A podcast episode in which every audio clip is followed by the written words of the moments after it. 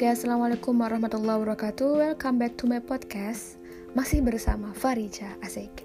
Di podcast kali ini gue akan ngobrolin tentang esensi doa. Kenapa kita harus berdoa? Esensinya apa aja gitu loh? Nah, hiruk pikuk kehidupan manusia sering kali membuat penat ya kan? Tidak hanya kebutuhan jasmani, kebutuhan rohani pun harus dipenuhi. Kedua kebutuhan tersebut mesti diberi asupan yang seimbang namun berbeda. Di antara salah satu asupan rohani manusia adalah dengan memohon kepada Tuhannya serta mengingat segala keterbatasan diri yang secara sederhana disebut dengan berdoa. Nah, kata doa sendiri secara bahasa berasal dari bahasa Arab yang terdiri dari dua akar kata. Pertama berasal dari da'a yada'u da'watan, berarti menyeru, memanggil, mengajak dan menjamu. Kedua berasal dari da'a yada'u du'aan uh, dakwan berarti memanggil, mendoa dan memohon. Doa secara istilah dalam pandangan Al-Qadiyad adalah ibadah yang hakiki karena menunjukkan kepasrahan diri kepada Allah Subhanahu wa taala dan berpaling dari selainnya. Sedangkan dalam pandangan uh, Habib Quraisy adalah doa itu permintaan yang ditujukan kepada setiap orang yang mempunyai kedudukan dan kemampuan tinggi yang melebihi kedudukan dan kemampuannya. Nah, ad-du'a'u mukhal ibadah. Doa adalah esensi ibadah. Dan Tuhanmu berfirman, Berdoalah kepadaku, niscaya aku akan kabulkan bagimu. Sesungguhnya orang-orang yang menyombongkan diri dari menyembahku akan masuk ke neraka jahanam dalam keadaan hina. Nauzubillah. Ini di surat Al-Mu'min ayat 60. Nah, doa adalah kebutuhan rohaniah setiap manusia dalam hidupnya, guys. Doa merupakan sarana untuk mengadukan segala persoalan hidup dan memohon pertolongan Allah. Doa juga merupakan puncak pengungkapan penghambaan kita kepadanya dan puncak kesadaran akan kelemahan diri. Insan doif gitulah ya. Hamba yang lemah. Kemudian insan itu insan yang lemah, hamba itu kan abid. Nah, ibadah adalah ibadah sendiri itu artinya segala hukum yang kita kerjakan dalam tanda kutip taat itu untuk mengharapkan pahala di akhirat. Dikerjakan sebagai tanda pengabdian kita kepada Sang Pencipta atas nama ketetapan Allah dan ridho Allah. Nah, ahli bahasa mengatakan bahwasanya ibadah itu berarti tunduk yang setinggi-tingginya dengan berdoa dengan arti taat dipakai kata ibadah dalam firman Allah Bismillahirrahmanirrahim Alam ahad ilaikum ya bani Adam alla ta'budu syaitan innahu lakum aduwwum mubin. Apakah aku tiada pesankan kepadamu wahai anak Adam yaitu jangan kamu mentaati syaitan. Bahwasanya syaitan itu adalah musuh yang nyata bagimu di surat Yasin. Dan diartikan dengan berdoa atau memohon hajat, anjuran untuk berdoa itu sangat banyak dijumpai baik dalam Al-Qur'an maupun hadis Rasulullah. Dalam Al-Quran, surat Al-Baqarah ayat 196, Allah juga berfirman, Dan apabila hamba-hambaku bertanya kepadamu tentang aku, maka jawablah bahwasanya aku adalah dekat. Fa'inni qarib. Aku mengabulkan permohonan orang yang berdoa apabila ia memohon kepadaku. Maka hendaklah mereka itu memenuhi segala perintahku dan hendaklah mereka beriman kepadaku agar mereka selalu berada dalam kebenaran. Gitu kayak jadi pahami banget nih Quran gitu kan. Kalau misalkan kalian masih ragu dengan kehidupan ini galau ya ya baca Quran dan pahami isinya. Semua ada jawabannya guys. Nah doa sendiri adalah landasan ibadah. Beribadah tanpa berdoa itu akan sia-sia. Begitu juga sebaliknya berdoa tanpa ibadah pun percuma. Nah ayat tadi itu menyatakan bahwasanya Allah akan mengabulkan permohonan orang-orang yang berdoa kepadanya. Pertanyaannya seperti ini adalah doa seperti apa yang akan dikabulkan oleh Allah? Ya kan?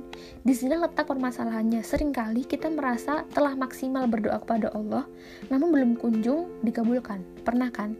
Nah doa yang kita lantunkan ibarat senjata yang tumpul. Ad-doa usulahul mu'minin.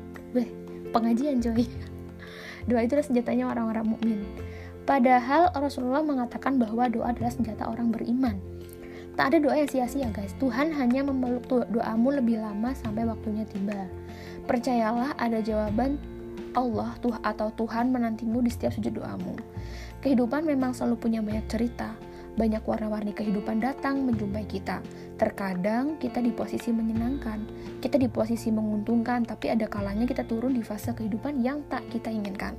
Yang memalukan bahkan kita merasa nggak sanggup untuk menjalaninya semua gitu loh.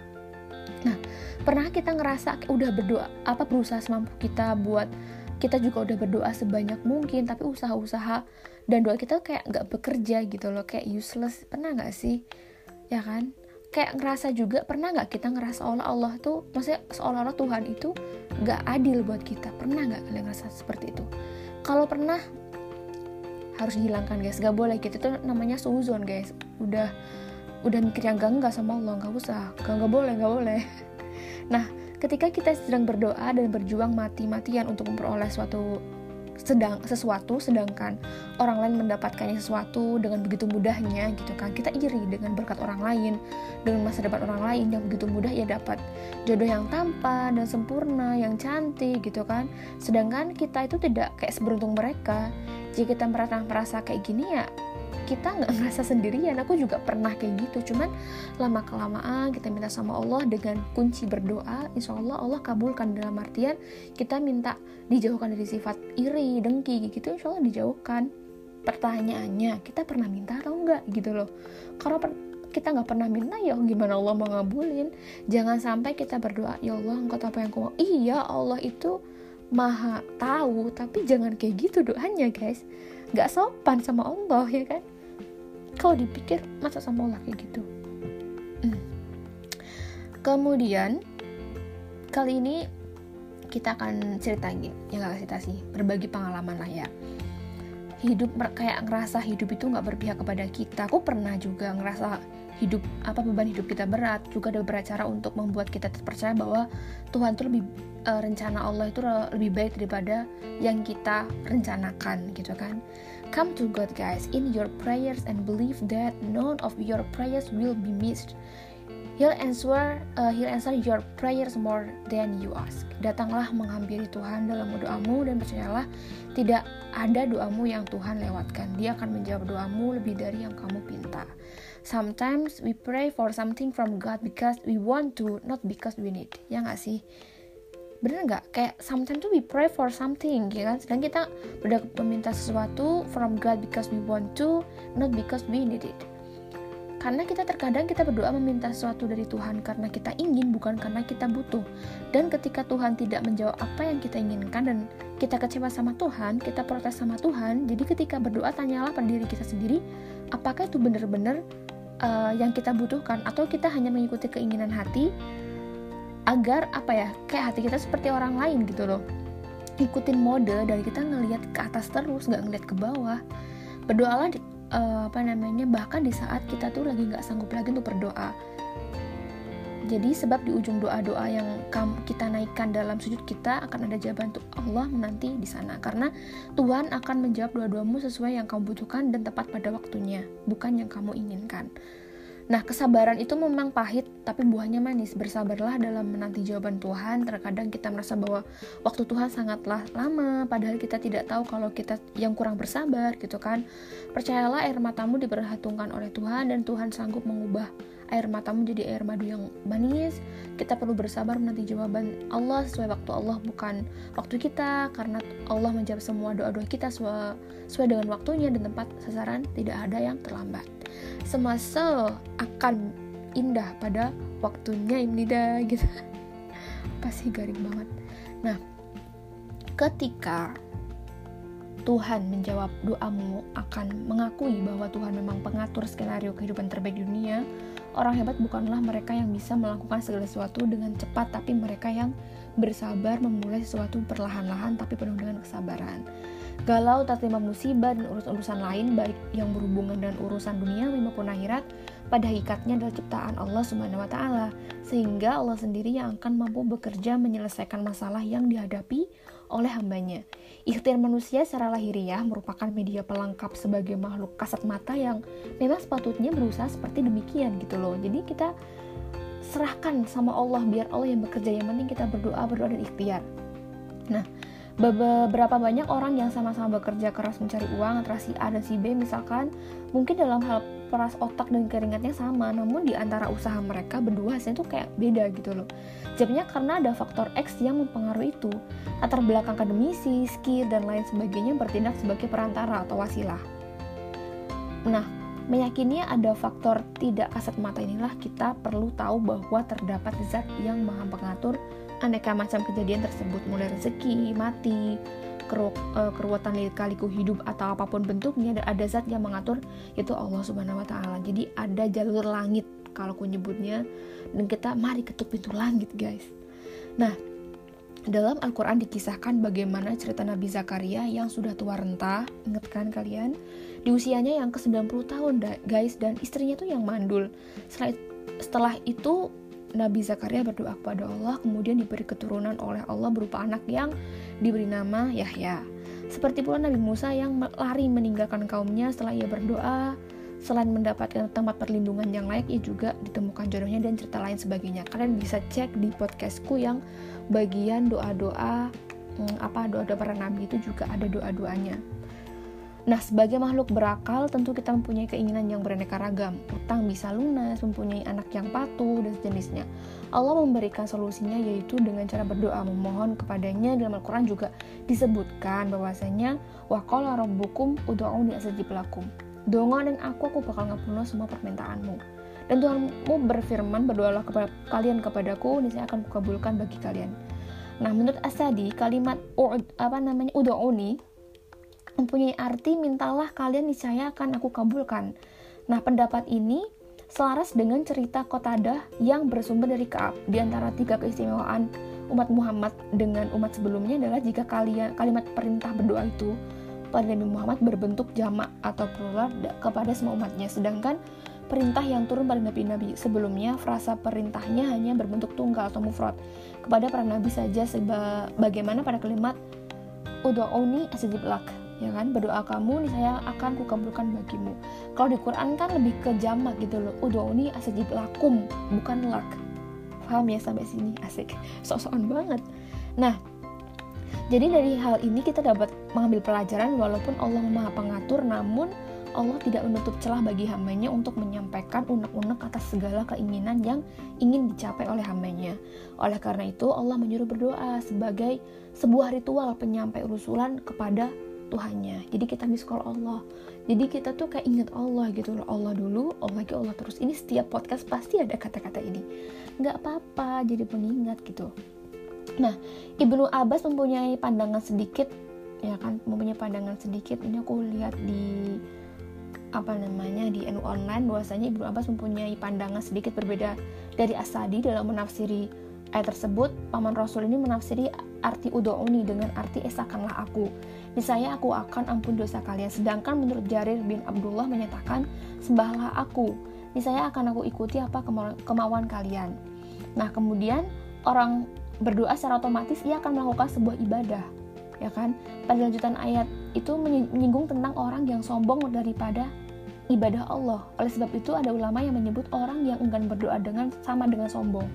Jadi kalau misalkan kalian udah maksiat, mikirnya tuh kalau misalkan udah maksiat tapi kita gak mau berdoa ya sama aja kita sombong gitu loh kamu gak butuh Allah Iya, is okay. Kalian kadang mikirnya, aku kayaknya udah gak pantas jadi hamba yang baik. Aku udah masih gini.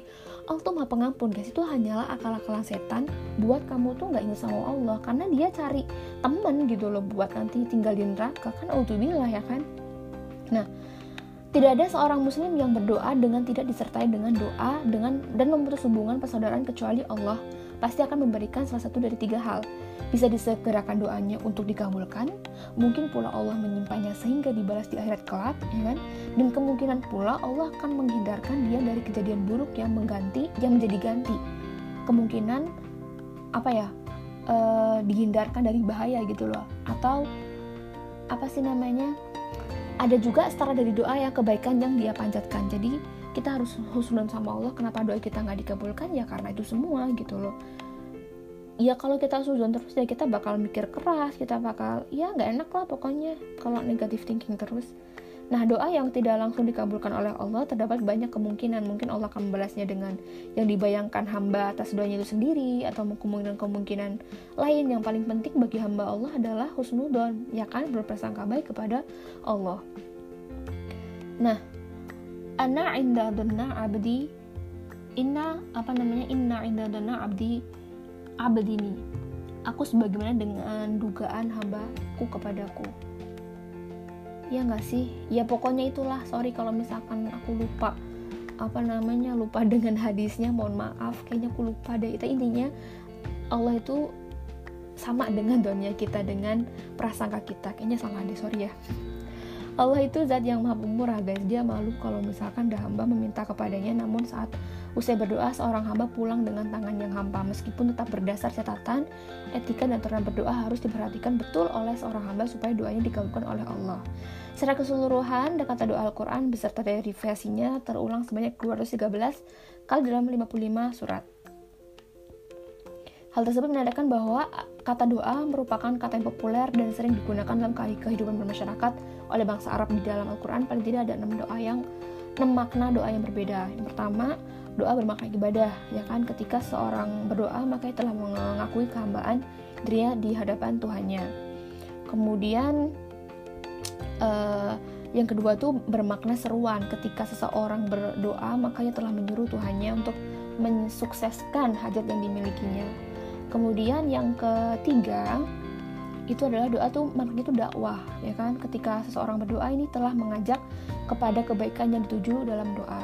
Dakwah itu artinya mengajak ya. Nah kemudian um, yang keempat doa itu bermakna istighosah atau minta tolong ketika seseorang bermak berdoa maka ia meminta pertolongan kepada yang dituju dalam berdoa itu Allah Subhanahu wa taala yang kelima, doa bermakna nida atau panggilan. Ketika seseorang berdoa, maka ia memanggil yang dituju dalam berdoa. Kebanyakan orang yang berdoa memakai ada tuh nida, kata panggilan seperti Allahumma, ya ya Allah, ya Allah, atau, arti Tuhan Allah, ya Robbi, Allahumma gitu. Jadi dia apa ya maknanya itu adalah panggilan ya Robbi wahai Allah ya Allah ya Robbi Allahumma nah yang keenam adalah artinya permohonan. Jadi ketika seseorang yang berdoa maka ia memohon kepada dituju dalam berdoa untuk mengabulkan permohonannya. Jadi ada enam guys.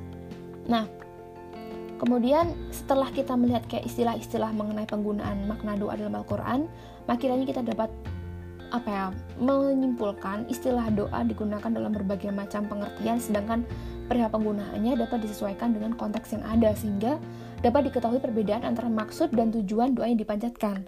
Dalam beberapa makna, doa dapat digunakan untuk ibadah, seruan, dakwah, minta tolong, panggilan, permohonan. Ada enam tadi ya, diingat-ingat. Nah, kemudian, uh, jadi kalau misalkan selama ini doa kita belum terkabul bukan karena Allah tidak memperhatikan doa kita ya guys, tapi bisa jadi penyebabnya adalah karena kita tidak mau membenahi kekurangan diri memperbaiki kesalahan, memperbanyak amal soleh dan malas untuk meningkatkan kualitas dan kuantitas ibadah kita. Analoginya gini, kita meminta padi yang baik, tetapi kita tidak pernah bergairah mencangkul, menyirami, bergairah gimana bahasanya? Semangat untuk mencangkul, menyirami dan memberikan pupuk, maka kita itu doanya hampa. Kayak cuman pengen aja nggak nggak ngelakuin gitu loh, mager. Iya kan bisa juga Allah kayak ini main-main nih. Gak aku kabulin deh karena dia main-main gitu kan jadi kita introspeksi diri lah lihat apa kekurangan-kekurangan diri kita pikirkan apa yang mesti dilakukan agar Allah berkenan mengabulkan doa kita. Bagaimana mungkin kita menginginkan sesuatu yang luar biasa padahal kita tidak pernah mengubah kebiasaan-kebiasaan buruk itu. Nah kita banyak memohon dan berharap pada Allah tapi tidak menilai diri sendiri. Padahal jika kita memohon dan diikuti dengan mengubah diri maka Allah pasti akan mengabulkan doa kita. Yakin deh yakin deh ya Allah ke promosi sesungguhnya doa itu adalah penggiring agar kita mau mengubah diri kita menjadi lebih baik Kekuatan doa akan menjadi efektif jika kita mampu memperbaiki ibadah kita. Jika diibaratkan tanaman, kekuatan kita untuk mengubah diri adalah bibitnya, sementara doa yang merupakan pupuknya. Pupuk akan membuat bibit tumbuh sedemikian pesat, berdaun dan berbunga lebat, serta menghasilkan buah yang banyak. Namun jika terus menebar pupuk tanpa menanam bibit, maka apa yang tumbuh? Rusak tumbuhnya.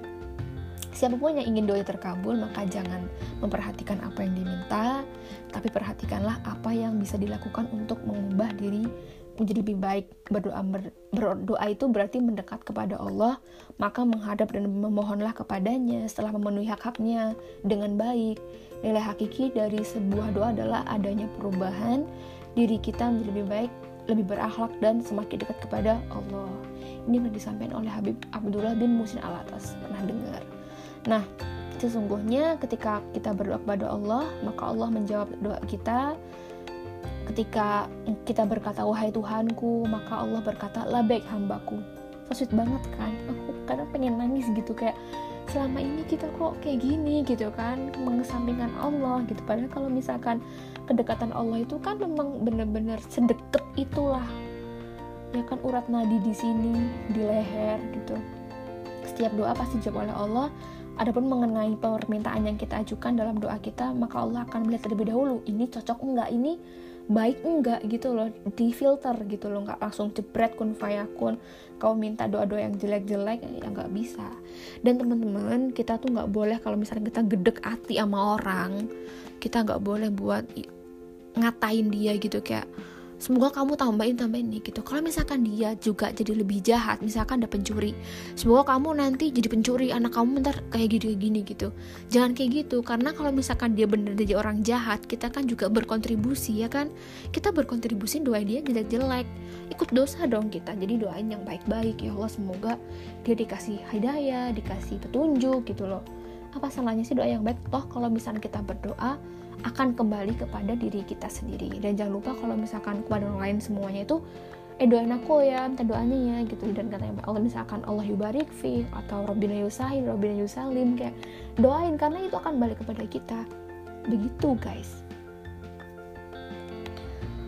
Allah hanya akan memberikan sesuatu yang menurutnya baik untukmu bukan sesuatu yang menurutnya buruk meskipun menurut kita baik.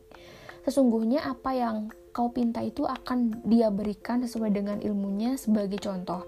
Jika anakmu yang masih kecil yang kau sayangi datang menemuimu dan meminta sesuatu yang akan membahayakan dirinya, sedangkan dia tahu bahwa apa yang dia minta itu berbahaya, itu berbahaya baginya, apa yang akan kalian lakukan?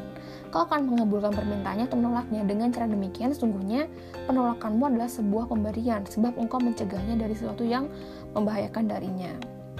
Begitulah perlakuan Allah kepada hamba-hambanya Allah akan selalu memulihkan yang terbaik bagi mereka sebab dia menyayangi mereka lebih daripada kasih sayang mereka kepada dirinya sendiri dan dia lebih mengasihi mereka daripada kedua orang tua mereka. Ya gitulah guys tentang doa. Sebenarnya banyak banget. Jadi kita nggak boleh untuk doa yang jelek-jelek jangan sampai kita doain orang lain jelek itu berarti kita ikut berkontribusi dengan itu doa itu.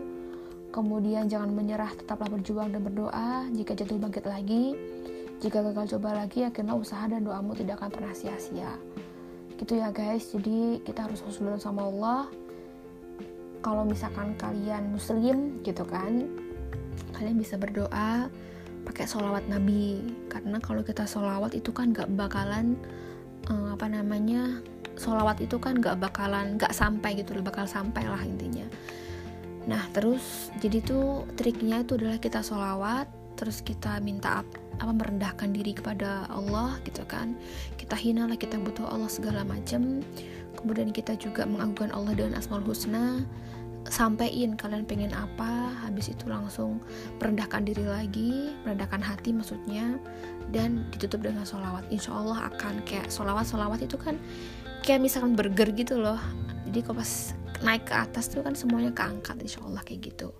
Kalau aku sendiri sih ya kayak gitu. Terus uh, kalau doa tuh ya pakai doanya Sayyidah Fatimah ya awalan awalin ya akhir akhir tukar mati ya masakin ya rahman rahimin terus kita doa gitu gitu ya guys.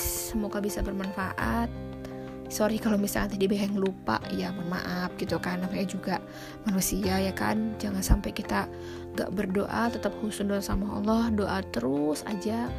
Karena doa itu kayak seperti ngayuh sepeda gitu loh bakal sampai ke tujuan gitu loh. Yang penting kita gigih aja. Jangan sampai kalau kita udah maksiat tapi kita nggak doa kan kayak sombong banget loh gitu. Udah dosa maksiat gak mau doa lagi gitu minta sama Allah buat dikasih lingkungan yang baik dikasih minta ridhonya Allah gitu. Begitu aja yang dapat aku sampaikan. Moga-moga bisa bermanfaat. See you on my next podcast. Assalamualaikum warahmatullahi wabarakatuh. Bye